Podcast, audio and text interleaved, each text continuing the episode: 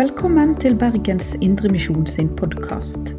For mer informasjon om oss, besøk oss på betlehem.no, eller finn oss på Facebook og Instagram der som Bergens Indremisjon.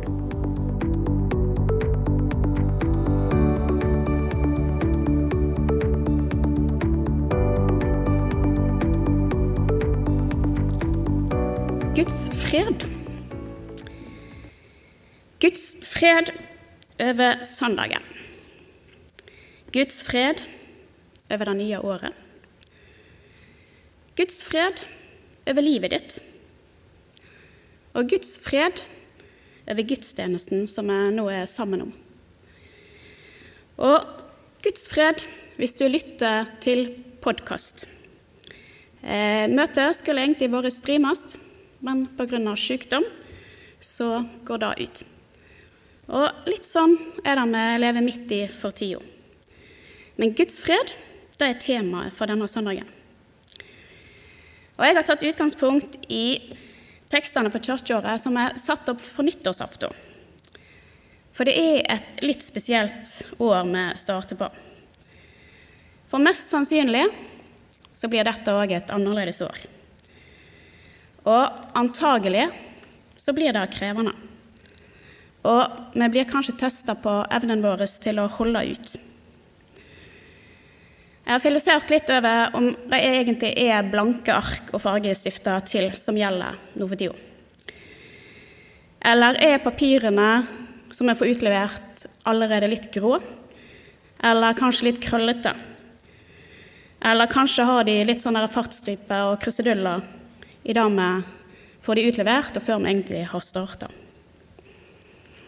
Jeg feira nyttårsaften her i Bergen og var nede i sentrum for å se på fyrverkeri. Og det var absolutt en happening. Men på vei nedover der så overhørte jeg en kommentar av en ungdom, eller voksen, eh, sikkert på noen og tjue. Eh, og han sa at hvis 2021 blir like ille som 2020, da orker jeg ikke mer. Da gir jeg opp og legger inn årene. Okay, han brukte kanskje et litt mer fargerikt og frustrert språk, som ikke passer helt på talerstolen, men innholdet er det samme. Og Jeg tror kanskje at han ikke er den eneste som tenker sånn, særlig blant ungdom, som mange har slutta å legge planer. Som ikke helt vet hva de skal håpe på, som kjenner litt på at livet går forbi, mens de må holde avstand og sprite hendene. Og òg for unger så har ting endra seg. Jeg har lært at unger som leker doktor og pasient for tida, der kan det være at noen i leken er blitt satt i karantene og sitter litt sånn for seg sjøl. Men inn i dette så vil jeg gjerne minne oss om Guds ord. Hjelpe oss til å løfte blikket til Han som er trua sin opphavsmann og fullender. Og når ting ser håpløst ut, så kan det være bra å løfte blikket sånn som David snakker om, at jeg løfter mine øyne mot fjellene. Hvor skal hjelpa komme fra? Jo, min hjelp kommer fra Herren, Han som er himmelens og jordens skaper. Og da går vi til første bibelverset for eh, dagen, som er henta fra Johannes 14 og vers 27. Fred etterlater jeg dere. Min fred gir jeg dere. Ikke den fred som verden gir. La ikke hjertet bli grepet av angst og motløshet. Ikke den fred som verden gir. Verdens fred handler ofte om politisk fred, økonomisk fred, sosial fred, trygghet og stabilitet. At det er fravær av uro og konflikter og undertrykkelse. Men den fred som Gud gir, er en fred med Han. I Romerbrevet 5.1 så står det da vi altså er blitt rettferdige ved tro, har vi fred med Gud ved vår Herre Jesus Kristus. Og da er den utrolige gava vi har fått gjennom Jesus. Fred med Gud.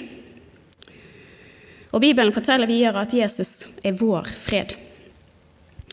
I Efeserne 2,13 så står det Men nå, i Kristus Jesus, er dere som var langt borte, kommet nær på grunn av Kristi blod. For Han er vår fred. Han som gjorde de to til ett og red ned den muren som skilte. Fiendskapet. Jesus, som vi nå igjen har fått feire fødselsdagen til, han kom for å gjøre opp fiendskapet mellom Gud og mennesket.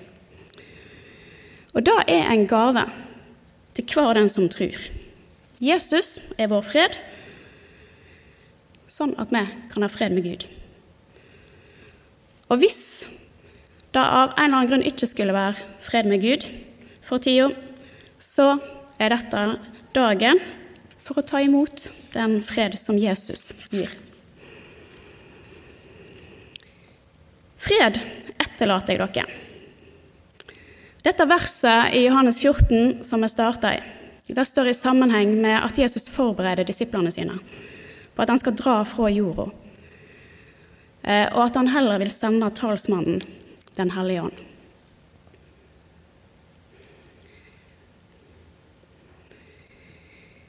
Skal vi se.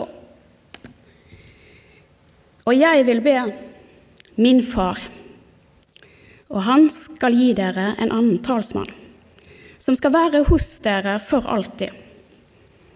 Sannhetens ånd, som verden ikke kan ta imot.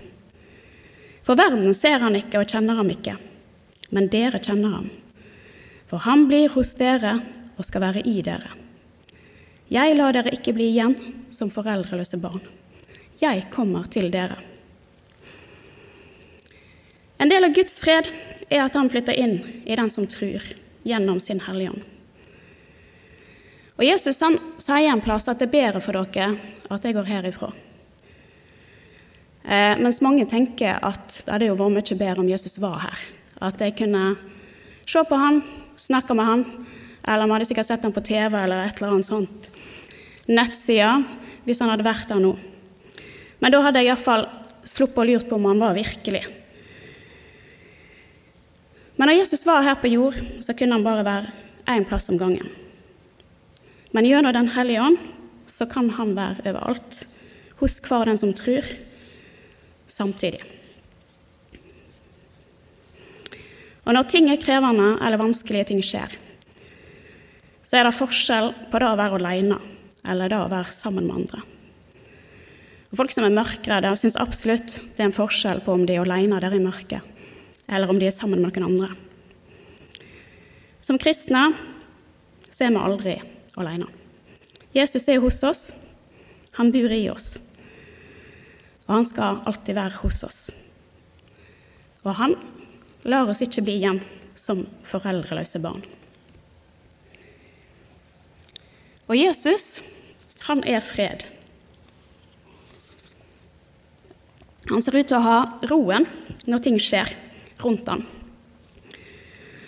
Og Jeg har faktisk lyst til å lese fortellingen om når Jesus stiller stormen, fra Markus 4, vers 36. De lot folkemengden bli igjen og tok ham med seg i båten der han satt. Også andre båter fulgte med. Da kom det en voldsom virvelstorm, og bølgene slo inn i båten så den holdt på å fylles. Jesus lå og sov på en pute bak i båten. De vekket ham og sa til ham, 'Mester, bryr du deg ikke om at vi går under?' Stille, vær rolig. Ja, unnskyld, jeg var litt for kjapp her. Eh, da sa han, men først så reiste han seg, trua vinden og sa til sjøen, 'Stille, vær rolig'. Vinden la seg, og det ble blikkstille. Så sa han til dem, Hvorfor er dere så redde? Har dere ennå ingen tro? Og de ble grepet av stor frykt og sa til hverandre, Hvem er han? Både vind og sjø adlyder ham. Jesus har den fullstendige roen. Det har alltid fascinert meg at Jesus lå og sov på ei pute bak i båten, mens alle andre er redde og urolige. Og så liker jeg egentlig spørsmålene til folkene rundt. Mester, bryr du deg ikke om oss? Bryr ikke du deg om at vi går unna? Bryr du deg ikke om at vi lever midt i en pandemi? At det tar så lang tid? At vi savner fellesskapet og kunne være mer sammen? Bryr du deg ikke om et leiras Gjerdrum og at folk er savna? Vi får aldri inntrykk av at Jesus ikke bryr seg. Men han ville kanskje at de skulle spørre om hjelp først. Og så handler Jesus. Han løser problemet og skaper trygghet. Han truer stormen, og det blir stille. Og Det forteller utrolig masse om Jesus, hvem han er, og hva makt han har. Og Jesus han vil at vi skal ha fred med ham. Han sier i Matteus 10,34 at Tro ikke at jeg er Ja, nå hopper jeg litt langt. Jeg leser fra Johannes 16, 33. Dette har jeg sagt til dere for at dere skal ha fred med meg. I verden har dere trengsler, men vær frimodig. Jeg har seiret over verden. For trengsler, både i den åndelige verden og den fysiske verden, da er en del av det kartet og virkeligheten Bibelen tegner. Gud skaper skaperverk det er perfekt, og var perfekt uten synd. Men etter syndefallet så lever vi i trengsler og vansker. Og Likevel så har vi et håp der framme om en fullkommen verden, om en ny himmel og en ny jord, sånn som åpenbaringen beskriver. Men i en verden med trengsler så sier han som kom for å skape fred, faktisk òg noe annet. Han sier i Matteus 10,34 at Tro ikke at jeg er kommet for å bringe fred på jorden. Jeg er ikke kommet for å bringe fred, men sverd. Jeg er kommet for å sette skiller. Sønn står mot far, datter mot mor, svigerdatter mot svigermor. Og en manns husfolk er hans fiender. Hva handler dette om? Det er liksom ikke fred og familieverdier som kommer fram her. Men dette verset er skrevet inn i sammenheng med at Jesus forbereder disiplene på at de vil møte motstand og forfølgelse pga. trua si. Og Da kan det være at en må velge mellom Jesus og familie. Særlig for muslimer det, som konverterer til kristendommen, er dette en kjempeutfordring. De risikerer å bli fryst ut av både familie og venner. Men Bibelen snakker om at vi skal ta vårt kors opp og følge etter Jesus. Men Jesus viser oss òg at vi skal kjempe for det rette. Han som er fredsstifteren og fredsfyrsten, han gikk inn i tempelet, var rasende og velta bordene og jagde ut alle som solgte og kjøpte. Og Dette leser vi om i Matteus 21, vers 12.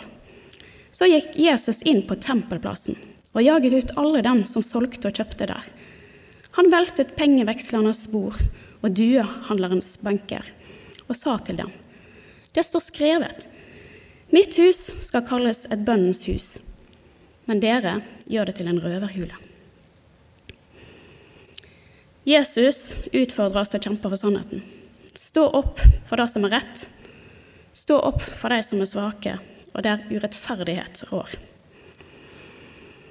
Han sa òg at det du har gjort for en av disse mine minste, det har du gjort mot meg. Og Da må kanskje fred, noe av freden ryke. Men i dette så har Jesus gitt oss et viktig prinsipp. Fordi at også i strid og i krevende tider så er det Kristi fred som skal råde i hjertene våre. Og det gjør noe med hvordan vi agerer og kjemper.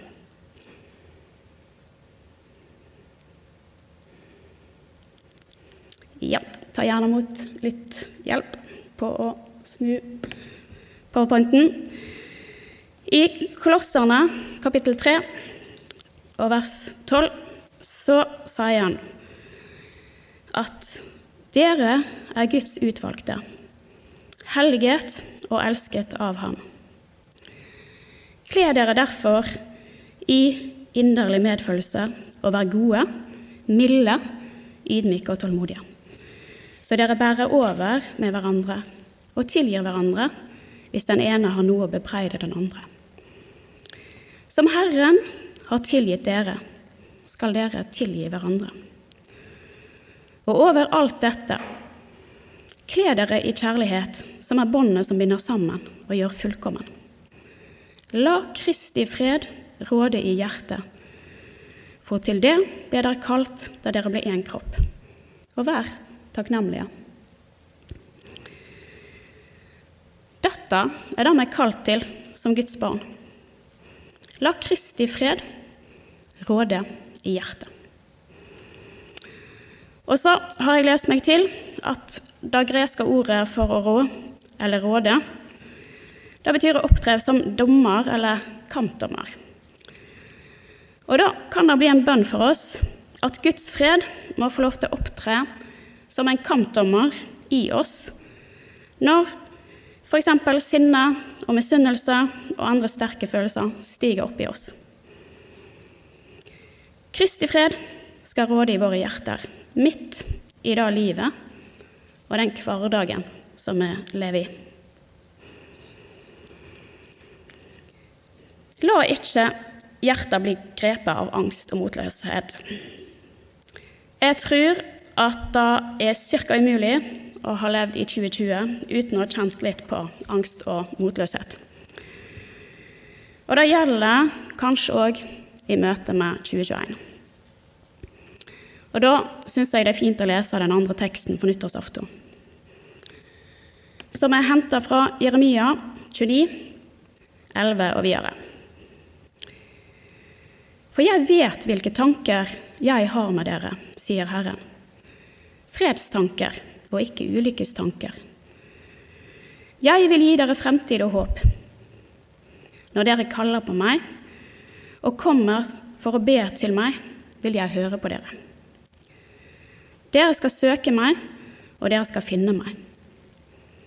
Når dere søker meg av et helt hjerte, lar jeg dere finne meg, sier Herren. Så vil jeg vende skjebnen for dere og samle dere fra alle de folkeslag og steder som jeg har drevet dere bort til, sier Herren. Jeg skal føre dere tilbake til det stedet jeg førte dere bort fra i eksil. Fredstanker. Det er fint å høre at Gud har fredstanker for oss. Gud har håp og framtid for hver enkelt og når vi ikke klarer å se det sjøl. Og hver den som søker og kaller på Gud, skal finne Han, og ingen skal bli alene.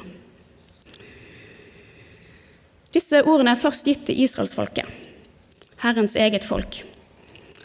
Og det er virkelig et folk som har opplevd mye motstand og uro. Men de har òg opplevd at Gud var til stede og leda dem. Og han redda dem ut når de var blitt slaver i Egypt. Hadde de visst at han redda dem til 40 år i ørkenen, så hadde de kanskje vurdert det en gang til. Men særlig én historie forteller om hvordan Gud redda dem i en håpløs situasjon. Folket hadde fått lov til å forlate Egypt og sto foran Sivsjøen, eller Rødehavet. Og så kommer egypterhæren etter dem. Og det er jo en umulig situasjon. De er på en måte fanga i ei felle, med sjøen foran og hæren bak. Og Jeg leser fra 2. Mosebok, kapittel 14, og fra vers 10. Da farao nærmet seg, så israelittene opp og fikk øye på egypterne som kom etter dem. De ble grepet av stor frykt og ropte til Herren. De sa til Moses.: Fantes det ikke graver nok i Egypt, siden du har ført oss ut i ørkenen for å dø? Hvorfor har du gjort dette mot oss? Hvorfor førte du oss ut av Egypt? Var det ikke det vi sa til deg i Egypt? La oss få være i fred. Vi vil arbeide for egypterne. Det er bedre for oss å arbeide for dem enn å dø i ørkenen. Da sa Moses til folket, vær ikke redde. Stå fast, så skal dere få se at Herren frelser dere i dag. For slik som dere ser egypterne i dag, skal dere aldri se dem mer. Herren skal stride for dere, og dere skal være stille. Herren sa til Moses, Hvorfor roper du til meg? Si til israelittene at de skal dra videre. Du skal løfte staven din og rekke hånden ut over havet og kløve det, så israelittene kan gå tørrskudd gjennom havet. Og så er det nettopp da de opplever. De opplever at havet åpner seg, folk gikk tørrskodd på bunnen. Og det må ha vært en litt sånn rar opplevelse med høye murer av vann rundt seg, og gå der på havbunnen eller sjøbunnen. Men så, når de er kommet over, og egypterhæren er bak dem, så lukker vannet seg, og så blir de slukt av det, og Gud redder folket. Herren skal stride for dere, og dere skal være stille. Det syns jeg er utrolig fint å tenke på noen ganger. Og jeg tror at israelsfolket òg til tider fikk erfare noe av Guds fred som overgår all forstand. Og Det kan vi lese om i Filippabrevet, eh, kapittel 4, vers 6. Vær ikke bekymret for noe, men legg alt dere har på hjertet, framfor Gud. Be og kall på ham med takk. Og Guds fred, som overgår all forstand, skal bevare deres hjerter og tanker i Jesus Kristus. Ser dere sammenhengen mellom bekymring og fred, og da å overlate alt som bekymrer oss, til Gud? Jeg tenker det er en viktig nøkkel. Vi kan absolutt til en viss grad velge om vi vil bære alt sjøl bære alle bekymringene, eller om vi vil dele dem med Gud, eller eventuelt overgi dem og legge dem over på Gud. Og så kan vi få lov til å erfare Guds fred som overgår all forstand. Jeg sier ikke at alle alltid opplever det, men vi har et løfte om at Gud er med midt i alt. Og jeg tror at mange kristne kan vitne om at de har erfart en fred midt i vanskelige tider. Eh, en fred som ikke er mulig helt å forklare logisk, eller enkel å forklare. Som ikke henger sammen med kaos og fortvilelsen som de er midt oppi. Det kan være krevende sykdom, eller at en mister jobben. Det kan være økonomiske utfordringer, regnestykker som ikke går opp eller kristne som blir forfulgt og sitter i fengsel.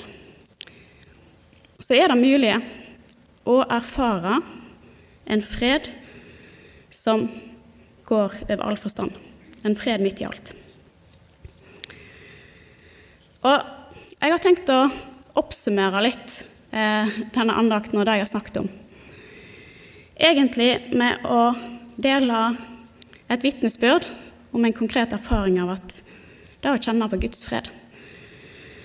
Fordi jeg har snakket om fred med Gud, Guds fred, at Jesus snakker om ikke fred, men sverd. Fred i hjertet og med hverandre. Fredstanker og fred som går over all forstand. For min del så ble det en litt, start på 2016. Nei, en litt bratt start på 2016. Eh, og jeg tror at det vil være et sånt øyeblikk som kommer til å stå der og dirre litt resten av livet. Eh, jeg er glad i å reise, og jeg var på en rundreise i Mexico med et reiseselskap. Og så, Den 9. januar så ble bussen vår stoppa, som gruppa vår sitter i, i en veisperring, som er et ganske mye sånn brukt virkemiddel i Sør-Amerika. Og opprørerne de ønsket oppmerksomhet om en lokal politisk sak. Men i stedet for det som er mer vanlig, da, det er at han må betale litt penger, og gjerne stå der og vente litt, og så får han liksom kjøre videre. Så i stedet for det så ble vi gisla eh, og fikk ikke lov til å forlate bussen. Eh, og ting eskalerte. Og på et tidspunkt så skjønte jeg at jeg faktisk måtte forholde meg til det å bli brent inne i en buss. Eh, og en vet aldri hvordan en reagerer i en sånn sammenheng. Men for meg så ble det egentlig en kort samtale med Vår Herre. Eh, og etter en kort tenkepause så ble det OK, Gud, hvis det er dette vi snakker om, så er jeg klar for å komme til deg. Og så valgte jeg veldig bevisst å ikke tenke så veldig mye på hva som eventuelt kunne skje i mellomtida. Men fra det øyeblikket så kjente jeg en helt egen fred midt i alt. Eh, og en opplevelse av å ikke være alene. Jeg visste at jeg ikke var alene der. Og det tror jeg gjorde en stor forskjell på min opplevelse. Eh, vi kom oss etter hvert ut av bussen, som ja, ble satt fyr på etter at alle folkene var ute. Og det var forvirra tilstander, eh, og vi flykta gjennom byen og etter hvert endte vi opp eh, hos en bonde i jungelen, der vi eh, overnatta eh, rundt bålet eh, på kjøkkenet til familien hans. Vi visste ennå ikke hva som ville skje, eh, men dagen etter så tok vi oss eh, gjennom jungelen tilbake til sivilisasjonen og til sikkerhet, og der vi fikk kontakt med andre. Hele denne saken varte mindre enn et døgn. Men det å ikke vite om en er trygg, eller hva som kommer til å skje, det er en ubehagelig opplevelse. Og etter å ha jobba med disse tekstene og bibelversene for i dag, så ser jeg at siden jeg hadde og har fred med Gud i Jesus Kristus, så ble det egentlig en ganske kort samtale med Gud. Og så fikk jeg kjenne på det på at Guds tilstedeværelse, Guds fred, var der i bussetet. Men det var òg helt klart en opplevelse av en fred som overgår all forstand. Og så ser jeg at et valg som jeg tok i etterkant, òg er en del av denne freden som jeg har snakket om. Fordi jeg oppsøkte eh, og var blant folk som lar Kristi fred råde i hjertet. For etter å ha konkludert med at jeg egentlig hadde det bra Jeg skjønte jo at jeg hadde opplevd noe rystende og dramatisk. Så hadde jeg likevel lyst til å reise videre. Dette var liksom starten på en sånn rundtur. Så siden mine flybilletter gikk videre fra Belize, så valgte jeg å reise til basen til Ungdom og oppdrag på Belize. Og min eneste link dit var ei som het Hilde, som jeg traff på Hawaii, og som jobba på basen deres. Og dette var for meg et utrolig godt, god plass å være. Eh, en plass å restarte litt. Jeg kjente ganske raskt på en fred på området deres, og jeg følte meg trygg. Og etter to dager så begynte maten å smake igjen, og de vanlige tingene ble kjekt. Men det var først og fremst en solid erfaring at jeg var blant venner, selv om jeg ikke kjente ei eneste sjel der. Men de var mine kristne søsken og viste meg helt konkret den støtten og styrken vi kan ha i et kristent fellesskap. Så i stedet for at dette bare skal bli ei god røverhistorie som gikk bra eh, til slutt, så ønsker jeg å være med og peke på hvem Gud er. Eh, hvem han er, og hva han gjør, og hva hans fred kan være midt i krevende situasjoner. Gud han sier at han er alfa og omega. Han endrer seg ikke. Og jeg har tenkt litt på om Guds hjerteslag har økt masse i løpet av pandemien. Men det tror jeg faktisk ikke. Gud er Gud uansett. Vi må fortsette å leve der vi er. Du har dine erfaringer og har funnet din måte å leve med dem på. Og du har funnet din måte å holde ut når dette ser ut til å vare og vare. Men Herren, han våker alltid over sitt folk. Israelsfolket og hver eneste som tror. Og allerede i Fjerde Mosebok eh, så lyser Gud velsignelsen over sitt folk, der han òg gir av sin fred.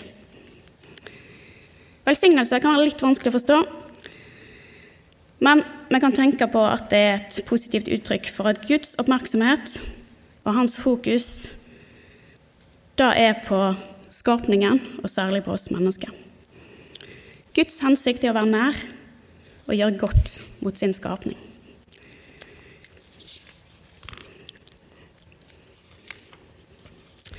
Og Da leser jeg fra 4. Mosebok, kapittel 6 og 22. Herren sa til Moses.: Du skal tale til Aron og hans sønner og si til dem:" Når dere velsigner israelittene, skal dere si:" Herren velsigne deg og bevare deg. Herren lar sitt ansikt lyse over deg og være deg nådig. Herren løfter sitt åsyn på deg og gir deg fred. Siste verset forteller om de løftene som er her. Når vi uttaler dette i Guds navn, så vil Han velsigne. Fordi Gud velsigner. Gud tar vare på sitt folk. Guds blikk og oppmerksomhet er på sitt folk. Gud er oss nådig hver eneste dag, og Gud gir oss av sin fred. Så Derfor vil jeg bare slutte med å si disse ordene over deg og over det året som ligger foran. Herren velsigne deg og bevare deg. Herren lar sitt ansikt lyse over deg og være deg nådig. Herren løfter sitt åsyn på deg og gir deg fred.